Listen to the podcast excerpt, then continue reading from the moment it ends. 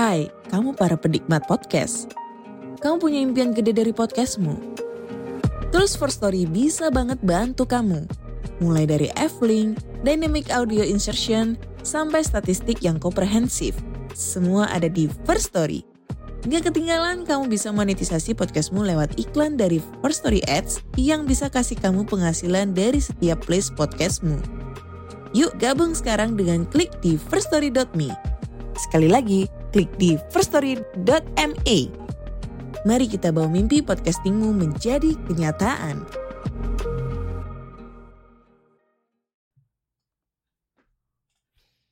Halo semuanya, namaku Iksan. Selamat datang di podcast Dengerin Horor di episode kedua di tahun 2021. Selamat datang kembali sama aku di sini yang bakalan nemenin kalian selama kurang lebih 10 menit karena kali ini aku bakalan bacain cerita yang ringan-ringan aja ya. Dalam arti bukan kayak yang kemarin-kemarin kayak kisah tumbal perjanjian terus bertemu seorang ratu di kelautan. Nggak nggak kayak nggak kayak gitu. Jadi sesuai dengan apa yang aku ngomongin semalam di episode sebelum ini aku ngomong kayak aku sebenarnya mau bahas tentang treat yang ringan-ringan aja. Dan baru hari ini aku aku realisasi, realisasikan gitu. Oke jadi singkat uh, cerita. Jadi ini kayak aku bikin konteksnya dulu biar kalian sedikit paham tentang apa yang diceritakan oleh Mas Eri ini. Jadi kalian udah pernah ngerasain gak sih? Kayak misalnya kalian di suatu hari di mana kalian tiba-tiba mengingat kematian kalian terus kayak di hari itu juga kalian merubah semua sikap kalian yang dulunya yang sebelum-sebelumnya kayak baik eh, enggak sorry yang sebelum-sebelumnya kayak buruk terus kayak jauh dari perintah Tuhan jauh dari Tuhan terus kayak jahat sama semua orang. Tapi di di hari yang itu di hari di mana kalian mengingat kematian kalian kalian itu kayak ngerasa aku harus berubah aku harus baik. Jadi di hari itu juga kalian kayak bersiap buat mati gitu buat meninggal. Dari itu juga kayak kalian uh, berbuat baik ke semua orang yang tadinya kalian meninggalkan sholat agama muslim ya yang tadi kalian meninggalkan sholat kalian jadi sering sholat sholat lima waktu tanpa tanpa ada kelewatan gitu. Nah ini terjadi sama Mas Eri. Mas Eri Haji dia menulis di Twitter tweetnya tentang yang tadi aku bilang tadi. Aku yang merasa hampir mati. Aku beli tagar baca horor agar tahu apakah di luar sana ada yang sama merasakan hal ini Oke, kita mulai aja baca dari tweetnya Mas Eri. Kemarin, di momen tahun baru, aku sengaja mengirim ucapan ke orang-orang yang aku sayang dan berdoa untuk mereka di tahun ini.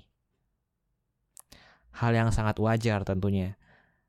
Tapi reaksi sebagian orang adalah heran dan kaget karena aku memang orang yang tipikal tidak bisa atau jarang manis ke orang lain. Tapi ada yang tidak biasa di hari itu. Aku mengungkapkan perasaan sayangku ke semua orang karena aku memang merasa bahwa sebentar lagi aku tidak akan bertemu mereka untuk selamanya. Alasan yang terdengar horor sebenarnya Bahkan aku bilang sayang ke ayahku sendiri yang seumur hidup tidak pernah mendengar kata itu dari aku. Apa yang aku bilang tadi sebelumnya dari awal ya. Ini uh, pindah perspektif dari aku. Apa yang aku bilang tadi dari awal, Mas Eri dia kayak merasa dia bakal meninggal terus jadi baik semua orang dan keluarlah sisi-sisi baik dari dia yang sebenarnya. Itu ada sisi positif dan sisi negatifnya gitu. Positifnya dia jadi kayak lebih alim dari sebelumnya karena mengingat kematian kan? Oke kita balik ke Mas Eri cerita Mas Eri. Tadi dia bilang kalau dia mengucapkan kasih sayangnya mengucapkan cintanya ke ayahnya bahkan sebelum sebelumnya dia kayak jarang ngucapin rasa cintanya ke orang tuanya ke bapaknya gitu kan. Karena emang nggak Mas Eri aja sih. Aku juga kadang sama bapak sama mama susah gitu buat ngomongin I love you atau enggak aku cinta mama aku cinta bapak. Nggak bisa nggak bisa. Kayak bukan tipe aku gitu. Mungkin aku tipe orang yang nggak bisa ngomong langsung I love you aku cinta bapak aku cinta mama tapi aku mungkin lebih ke arah fisik lebih ke arah apa ya? Uh, lebih ke arah ya nggak bisa langsung gitu ngomongnya mungkin nggak to the gitu kan. Ya udah kita balik lagi sama cerita mas mas Eri tadi. Kebetulan kemarin hari Jumat aku yang selama ini sering meninggalkan sholat Jumat tanpa rasa malas sedikit pun aku mandi dan berjalan ke masjid untuk menunaikannya. Aku takut kalau di hari terakhirku hidup, aku masih saja meninggalkan kewajiban dan perintah Tuhan di agama yang aku yakinin. Terus perasaan itu semakin kuat hingga sore hari ketika waktu asar tiba dan aku harus berangkat kerja. Aku merasa bahwa aku tidak akan berjumpa dengan sore lagi di esok hari. Kedua kakiku terasa dingin dan lemas seolah-olah memaksaku untuk yakin bahwa nyawaku sudah ditarik perlahan dari ujung kaki.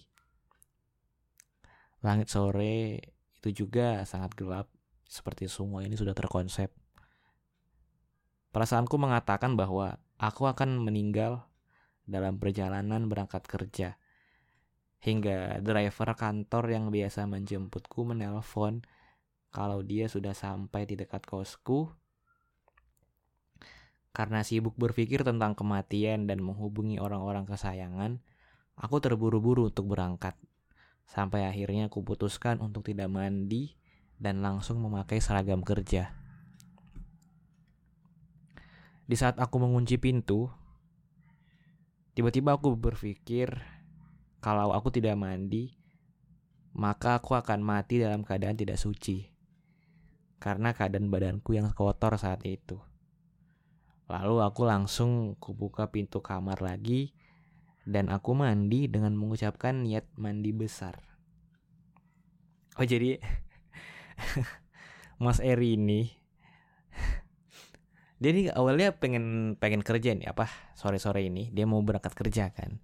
Terus dia saking sibuknya, saking sibuk buat ngabarin orang-orang yang dia sayangin buat kayak terima kasih terima kasih atau berbuat baik sama orang sampai-sampai dia lupa kalau dia ini sebenarnya mau masuk kerja. Terus dia kayak ngerasa aku terlambat nih. Terus karena dia ngerasa aku mau terlambat dia kayak nggak mau mandi deh. Dia nggak mau mandi nggak mau mandi terus berangkat. Nah pas dia udah berangkat udah mau berangkat udah pakai baju juga kan udah pakai seragam tapi dalam keadaan kondisi tidak mandi pas dia mau berangkat dia mau ngunci pintu dia mikir lagi kalau misalnya aku meninggal di jalan berarti aku meninggal dalam kondisi ini dong najis dong ada sebesar dong. Makanya dia dia balik ke kamarnya dia buka pintu dia mandi dia mandi dengan niat dengan niat mandi besar kalau orang muslim niat mandi besar ya biar suci semua badannya jadi dia seolah-olah kalau misalnya dia meninggal di jalan, dia sudah suci gitu badannya. Terus dia mikir kalau misalnya kalau di sana dia udah mandi besar, jadi dia orang jadi orang-orang yang me, apa orang-orang yang mengurusinya nggak perlu repot-repot buat mandiin dia lagi. Terus uh, sebelum keluar lagi Aku juga menyempatkan untuk membersihkan dan merapikan kamarku. Aku berpikir bahwa kalau aku mati, paling tidak aku tidak merepotkan orang lain ketika ingin membereskan barang-barangku. Aku juga memberitahu teman kosku di mana aku menyimpan kunci kamar. Aku pura-pura meminta dia untuk mengecek tempatku menyimpan kunci. Apakah aku sudah menaruhnya di situ? Padahal itu adalah pesanku secara tersirat bahwa kalau aku tidak pulang lagi, aku tidak menyusahkan mereka yang masuk ke kamar dan membereskan barangku. Aku pun berjalan menuju mobil dan berangkat kerja. Sedikit terkejut ketika driver yang mengantarku bekerja saat itu mengaku kalau dia mengantuk berat. Terlihat dari matanya dan berkali-kali dia menguap. Laju mobil yang dia kendarai pun kurasakan sangat tidak nyaman. Firasatku yang tadinya 50% berubah jadi 80% karena tadi sopir yang mengantar dia kerja ngantuk. Jadi tambah negatif thinking nih Mas Eri nih. Yang tadinya 50% jadi 80% negatif thinkingnya. Kemudian tanpa rasa takut sedikit pun, aku menikmati perjalanan dan masih sibuk dengan chatku dengan orang-orang. Aku bersikap biasa saja, karena memang sudah sangat yakin kalau itu adalah waktunya. Sampai pada akhirnya, firasat yang aku yakini tidak terjadi dan aku sampai tempat kerja dengan selamat. Tapi aku masih berpikir atau mungkin aku akan meninggal dengan cara lain. Masih mikir kalau tadi aku nggak meninggal di mobil kecelakaan berarti aku meninggal dengan cara apa nih? Saking apa ya saking berpikir negatif kalau dia tuh bakalan meninggal gitu. Aku nggak ngerti uh, gimana pikiran Mas Eri saat itu tapi dia kayak yakin banget dia bakal meninggal di hari itu juga jadi sampai mikir ini aku meninggal di momen apa nih gitu Hingga satu saat, aku masih belum menemukan jawaban dari firasat itu sampai saat ini. Iya, aku masih hidup saat membuat tulisan ini. Ada beberapa hal yang aku yakini. Yang pertama, kalau memang benar sebentar lagi aku mati, aku sudah mengatakan betapa aku sangat sayang ke orang-orang dan aku dan aku akan meninggal dengan rasa kasih sayang yang penuh. Yang kedua, kalau memang benar, aku akan jadi orang yang sangat pemberani, yang sudah siap dan bisa memprediksi hal itu dan tidak takut untuk mengungkapkan firasat itu. Yang ketiga, ini adalah cara Tuhan mengingatkan umatnya yang sudah berjalan terlalu jauh dalam ketidakpastian hidup agar sadar ke mana kita harus kembali ketika hidup tak lagi memberikan arti. Ini bagus poinnya, nomor tiga. Yang keempat, kalau aku mati, mungkin yang mati adalah aku yang lama atau aku yang bukan sebenarnya. Atau mungkin aku dengan segala kekurangan dan sifat buruk yang aku punya. Terus di akhir tweetnya Mas Eri bilang gini, Maaf kalau aku memang mati, mungkin ini akan jadi tweet horor. Tapi ini caraku memberi cerita bahwa hidup tak hanya hidup, Rayakanlah semua perasaan kita sebagai manusia ketika hidup, termasuk perasaan ketika kita akan mati. Waduh. Ini kalau misalnya Mas Eri ya, ini amit-amit gitu kan, amit-amit Mas Eri meninggal gitu. Ini pasti bakalan jadi treat horor sih, bener kata Mas Eri gitu kan. Jadi dia kayak firasat dia benar kalau dia bakal meninggal, terus dia kayak bikin cerita sesuai dengan apa yang dia alamin di hari itu. Terus kayak jadi treat treat horror gitu gak sih? Terus kayak viral gimana mana? Viral seorang karyawan di suatu perusahaan menulis firasatnya di tweet di Twitter terus dibikin sebuah tweet dan beneran kejadian. Kayak gitu kira-kira beritanya. Aduh semoga Mas Eri baik-baik aja ya. Tapi aku lihat dari bio Twitternya masih hidup katanya. Syukur deh masih hidup. Oke deh ya jadi uh, ini ada bisa bisa diambil sih pelajarannya tadi yang yang di poin ketiga. Aku sempat kayak setuju gitu. Ini adalah cara Tuhan mengingatkan umatnya yang sudah berjalan terlalu jauh dalam ketidakpastian hidup agar sadar bahwa ke mana kita harus kembali ketika hidup tak lagi memberikan arti.